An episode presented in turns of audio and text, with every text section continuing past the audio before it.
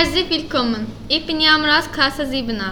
Welche Sehenswürdigkeiten in Deutschland unbedingt eine Reise wert sind, habe ich für euch zusammengestellt. In Deutschland findet ihr für jeden Anlass die richtige Sehenswürdigkeit sowie die größten Attraktionen Deutschlands. Schloss Neuschwanstein ist international eine der bekanntesten Sehenswürdigkeiten von Deutschland und eine der beliebtesten Sehenswürdigkeiten in Bayern. Das Brandenburger Tor ist die Top-Sehenswürdigkeit in Berlin.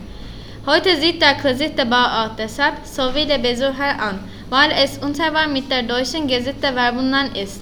Eine Sehenswürdigkeit für sich ist das neue Rathaus, wo nach dem Zweiten Weltkrieg nur einige Grandmeier standen, ersetzt seit 2005 die wieder aufgebaute Dresdner Frauenkirche in neuem Glanz.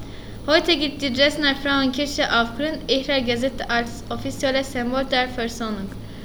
Das 2000 gegründete Miniaturwunderland Hamburg war laut der Deutschen Zentral für Tourismus im Jahr 2017 die Top-Sehenswürdigkeit Deutschlands unter ausländischen Touristen. Eine der schönsten deutschen Sehenswürdigkeiten ist die Blumenfeld Mainau.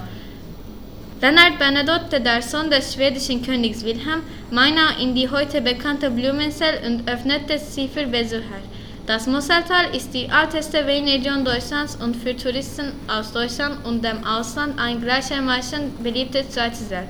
Ein weiteres Highlight der Reisereihe in Deutschland ist die Kaiserburg in Nürnberg. Rund 1000 Jahre ist die Burg alt und war einst Kaiserresidenz und Burggrafentis der Adelsfamilie Hohenzollern.